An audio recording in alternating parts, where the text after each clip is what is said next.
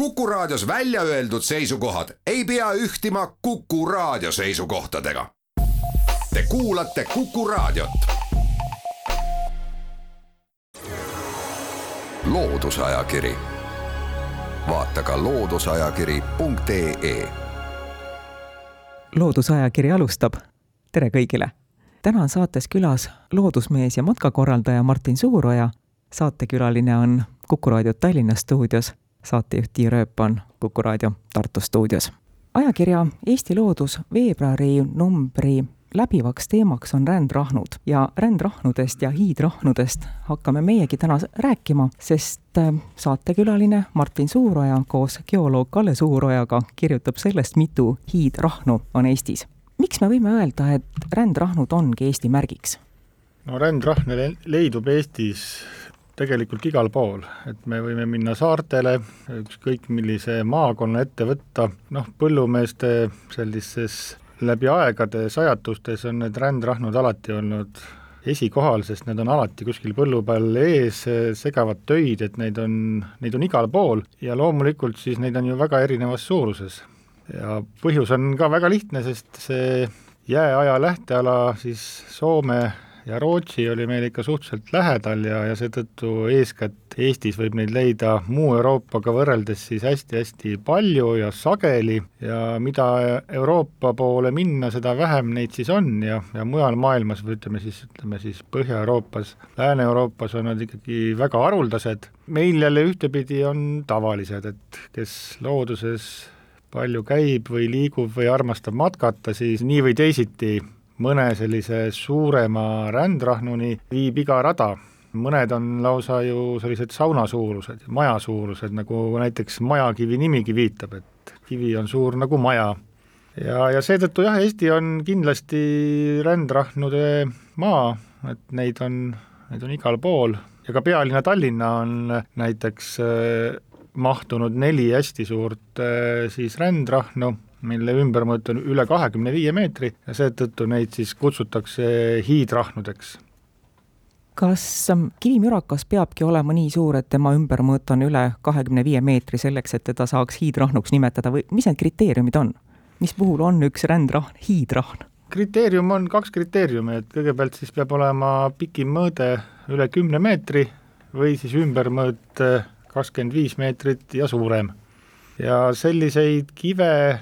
viimaste andmete järgi meil on siis sada nelikümmend üheksa, et üks on puudu, aga kuna neid siin on hästi palju tegelikult äh, viimasel ajal välja tulnud, siis võib eeldada, et see number on tegelikult palju-palju suurem, et mina pakuksin julgelt välja selle numbri kuskil kakssada, et äh, kindlasti väga põnev valdkond, äh, mida uurida või, või kindlasti ka raadiokuulaja leiab sellise no võiks leida mingi väikese sellise pisiku, et kui hakata looduses siis uurima neid, kus nad Eestis siis asuvad, need sellised kõige tähelepanuväärsemad või kõige, kõige suuremad, et siis minu jaoks on see alati olnud selline omaette maailm, et kui ma neid eh, kahte rändrahnu teemalist raamatut koostasin, siis periood oli täpselt üks aasta et selle aja jooksul tuli kõik nad äh, läbi käia, ära siis äh, fotografeerida, teha siis äh, väiksed jutukesed, nupukesed juurde ja koostada siis raamat, et see, see on üks ääretult põnev selline,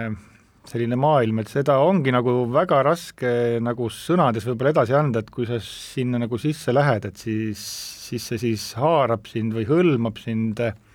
kui sa ühe korra siis raamatule nagu punkti paned, siis saad aru, et kui eriline tegelikult oli see töö või see aeg, milles sa olid selle aasta, et et see, see on hästi põnev ja huvitav ja ja miks ta nii huvitav on, et siis eh, kindlasti kõige suurem põhjus on see, et nad on ikkagi väga erinevad. Et ei ole ühtegi kivi, mis teisele sarnaneks. Ja kuna nad asuvad siis Eesti mõistes ja geograafiliselt ju väga erinevates paikades, pisikestel saartel või, või suurematel või, või lausa keset raba või, või näiteks Pärnu jões keset siis jõge on üks tohutu suur kivimürakas, et eh, no neid võib leida siis nii põllu äärest kui sügavalt metsast või kui looduskaitsealadelt või, või tõesti kellegi sauna taga või on ta siis nagu Tallinnas, siin on nagu ühel pool ja teisel pool aeda, et ta nagu pool aeda on ka seda kivi seal Pirita pool siis, et et noh, nad on huvitavad visuaalselt, põnevad, need paigad on ilusad ja, ja kui otsida sinna juurde veel sellised äh, pärimuslikud jutud siin viimase paarisaja aasta jooksul, mis on kirja pandud, et siis, siis see nagu see pilt läheb nagu veel põnevamaks ja huvitavamaks, et et ja, ja põhjus on jällegi ka selles suhtes väga lihtne, et alati on ju püütud äh, seletada seda, mis su ümber on, et eh, mis seal ütleme, sauna taga või, või aia taga, et miks ta siis nüüd nii suur on või kuidas ta tuli või kui laps küsib su käest, et noh, kuidas see kivi nüüd sai siia, siis no üldjuhul ikkagi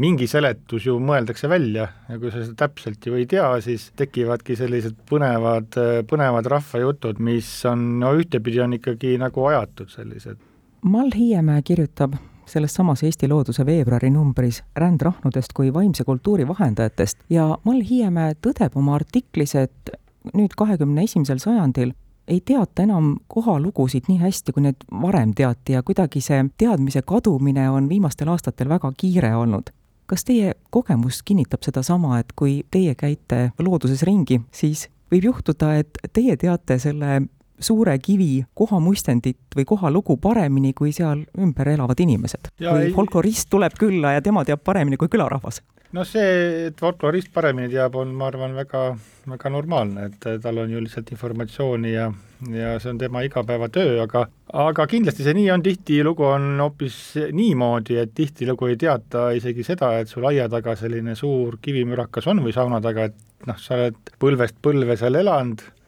ja sa ei pööra sellele nii suurt tähelepanu ja siis ta lihtsalt on sul seal, et et noh, sa ei oska nagu võib-olla kui sa ühes paigas elad ja väga ei liigu Eesti piires ja, ja selle peale ka ei mõtle, et siis, siis ei ol-, ei teki võrdlusmomenti ja võib-olla sa ei tabagi ära, et see, mis, mis sulle tundub nii tavaline, on tegelikult äh, päris selline omapärane ja vaatamisväärne, selline huvitav koht. meil on aeg teha jutuajamisse väikene paus Loodusajakiri.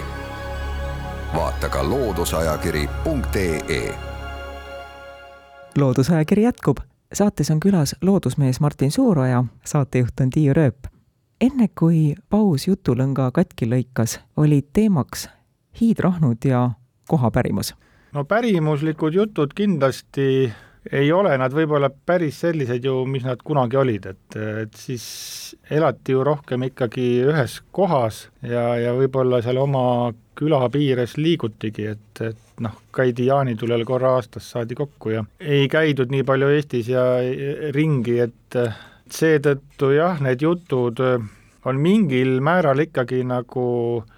natukene paikkondlikud, need rahva, rahvapärimused on rändrahnudest näiteks, et aga samas on neil muidugi ka väga suur läbiv joon, nii et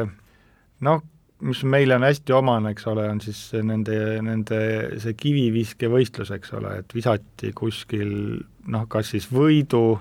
Kalevipoeg viskas seal vanapaganaga võidu, et kes siis nagu kaugemale viskab, veelgi tüüpilisem on siis see, et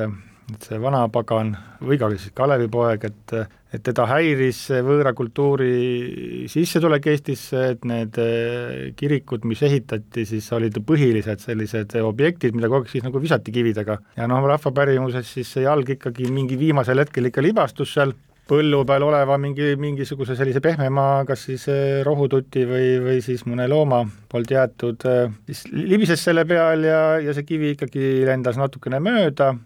ja siis tänapäeval noh, ütleme, et siis see rahvalugu lõpebki niimoodi, et noh, sellest ajast peale siis või, või võib siis seda suurt mürakat meil näha. no näiteks, mis me võime hea näite tuua, on siis Võnnussaare kivid ehk siis Kalevipoja kivid, mis on siis Haapsalu külje all et kui Haapsalu linna ehitati, siis äh, ühe versiooni järgi Kalevipoeg, teise järgi ka Vanapagan, siis see, see teda nagu segas või häiris, et äh, tihtilugu ka ei, oli just põhjus selles, et, et tema käest ei küsitud nõu või arutatud, et kohe hakati sinna ehitama ja no muidugi läks siis suur kivi lendu ja läks siis mööda. teine kõva viskaja oli Suurtöll siis Saaremaalt, et kes siis viskas nii mandrile kui Hiiumaale kui ka jah, ja Hiiumaale just hästi palju, mis on selline väga, väga põnev mõnes mõttes, et et kus need suured Hiiumaa hiidrahnud näiteks tulid või nagu natuke väiksemad, et ikkagi Saaremaalt visati. üks hästi põnev lugu veel, sellega mul tuleb kohe meelde, et kuidas siis äh, Kalevipoeg ja Vanapagan olid Hiiumaal Hiiu rannas ja hakkasid siis äh, loopima võistu, et kumb viskas kaugemale. Noh muidugi, Vanapagan võttis sellise suure kivi, jurutas nelja versta kaugusel, oli väga rahul endaga, siis võttis Kalevipoeg kivi, viskas kivi ja siis see kadus silmapiirilt, neli päeva otsiti, otsiti ja lõpuks leiti siis Ülemiste järves siit Tallinnasse, noh tänapäeval tuntud siis eelkõige lindakivi, Tallinna pärimustega seotud kivi, aga siis selle rahvapärimuse järgi oli see ikkagi selline võistu viskamise kivi, mille siis viskas Kalevipoeg ja mis tänapäeval on siis siin Tartu maantee alguses või lennuväljalt on ta noh, näiteks siin praegusel ajal, kui puud ei ole lehes, et siis kivi on väga hästi näha. Noh, hetkel võib-olla küll on lume all, aga, aga üldiselt on ta sealt ka väga hästi näha, et selline et selline seos. usun, et ma ei liialda, kui ma ütlen, et te tunnete meie suuri hiidrahnusid nii-öelda nägupidi. kas meie suurte kivide hulgas on teil isiklikku lemmikut või lemmikuid, keda tõesti soovitaks inimestele, et minge vaadake oma silmaga üle? et no nagu ma eespool juba rääkisin, mainisin, et nad, nad on tegelikult väga erinevad ja huvitavad ja maastikus hästi ilusad või noh, kas või needsamad need Kalevipoja kivid seal Võnnussaare poolsaarel on visuaalselt eh, talvel näiteks ääretult kenad ja, ja praegu saaks üle jää sinna minna, teha sellise põneva matka, aga no minu lemmikud seostuvad ikkagi võib-olla Lahemaaga, et siis kuna ma ise väga palju käin Käsmus, et siis eh, Käsmus olev Lemmekivi mis on kohe selle Majakamäe all, nii-öelda selle Aarnevaigu muuseumi kõrval, on eh, noh, nii hommikupäikeses kui ka õhtupäikeses, eriti näiteks talvel, on see valgus, on seal ääretult kena. Ja, ja suvel, kui matkata siis natukene sealt Majakamäelt edasi, minna sinna Vana-Jüri otsale, siis Vana-Jüri otsas on neli suuremat rändrahnu, millest siis üks on täpselt hiidrahn, aga see kõige ilusam ja kõige suurem on siis täpselt selline, et kui nüüd päike hakkab siin mai keskelt äh, loojuma sinna merre ja, ja seda valgust on näha vast sinna septembri alguseni, siis see kivi on täpselt selle oma siis selle mustri või struktuuriga on siis nagu selles õhtuvalguses ja, ja sealt, kus see päike siis madalalt sealt paistab sealt Mohni või siis Tammsaare taustal, et noh, see on selline võrratu vaatepilt ja nagu Tallinna lähedale mõelda, siis on meil selline põnev koht eh, nagu Ellandvahe küla, mis on siis Jõelähtme taga seal, kus on eh, suur golfikeskus tänapäeval, selle golfikeskuse ääres on siis Eesti esikümnesse mahtuv suur Ellandvahe rahn keset sellist muinasrebala põldu ja jällegi noh, päike teeb seal selle hommikutiiru sealt Kostivere tagant, hakkab sealt paistma ja õhtul läheb siis kuskil sinna loo poole, sinna looja, et siis, siis terve päeva on ta päikeses ja ta on nagu visuaalselt on ta hästi ilus, see matk sinna on hästi põnev, et et mina soovitan kindlasti, kes siin Tallinna pool liigub, et siis minna Ellandvahe kivi vaatama, et miks mitte talvel praegu on ta õhtuti, kui juhtub olema siin natukene päikest ka, et siis ta on no lihtsalt ime, imeilus, selline imeilus matk, imeilus elamus. no ütleme, et kas nad on mul nüüd lemmikud, on nad kindlasti, kui nagu mõelda, et kuhu õhtuti minna või, või kui sõita sealt Jõelähtmelt mööda, et siis ma ikkagi tihti, enne kui ma linna jõuan, ma ikkagi otsustan, et kui ma juba varem ei ole rabasse keeranud kuhugi, et siis ma ikkagi lähen vaatan Ellandvahe rahnu või lähen, seal on selline põnev kivi nagu Laulumäe kivi, et kas siis vaatad Laulumäe kivi või, või lähed siis sinna Kostivere karstialale, kus on meie ainus suur karstiseen, et väga põnev paik, et et, et selline Eesti suurim karstiala ja seal on siis selline suur karstiseen, selline keskne vaatamisväärsus, et see on paekivist muidugi, aga, aga ikkagi on ta huvitav ja, ja põnev, väga põnev paik, nii et. Aga samas eh, kõik need hiidrahnud, mis nüüd nendes raamatutes on välja toodud, selles viimases raamatus oli neid eh, sada üksteist, et nüüd siis, nagu Eesti looduses meil seal juttu on, need on neid sada nelikümmend üheksa, et eh, nad kõik on tegelikult väga huvitavad ja põnevad, et, et neil on oma lugu ja igal kolmandal, kui mitte igal teisel, on ka siis eh, rahva pärimust sinna juurde võimalik eh, lugeda, siis noh, interneti sealt folkloore.ee portaalist saab väga põnevaid lugusid või siis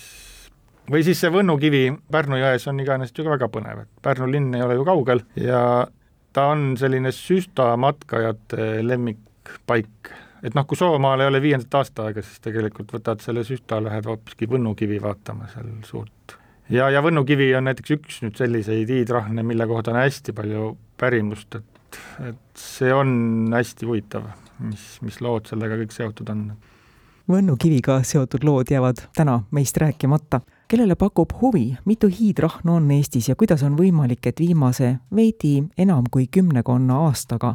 on Eesti hiidrahnu loendisse lisandunud kolmkümmend kaheksa hiidrahnu. sellele küsimusele saab vastuse ajakirja Eesti Loodus veebruari numbrist, saatekülalise, loodusmees Martin Suuroja ja geoloog Kalle Suuroja artiklist. Kelles tärkab sügavam huvi meie rändrahnude vastu, siis Martin Suuroja ja Kalle Suuroja on kahasse kirjutanud kaks rändrahnu raamatut. saatejuht Tiiu Rööp ütleb tänusõnad külalisele, aitäh, Martin Suuroja, aitäh teile, kuulajad, jälle kuulmiseni! loodusajakiri, vaata ka looduseajakiri.ee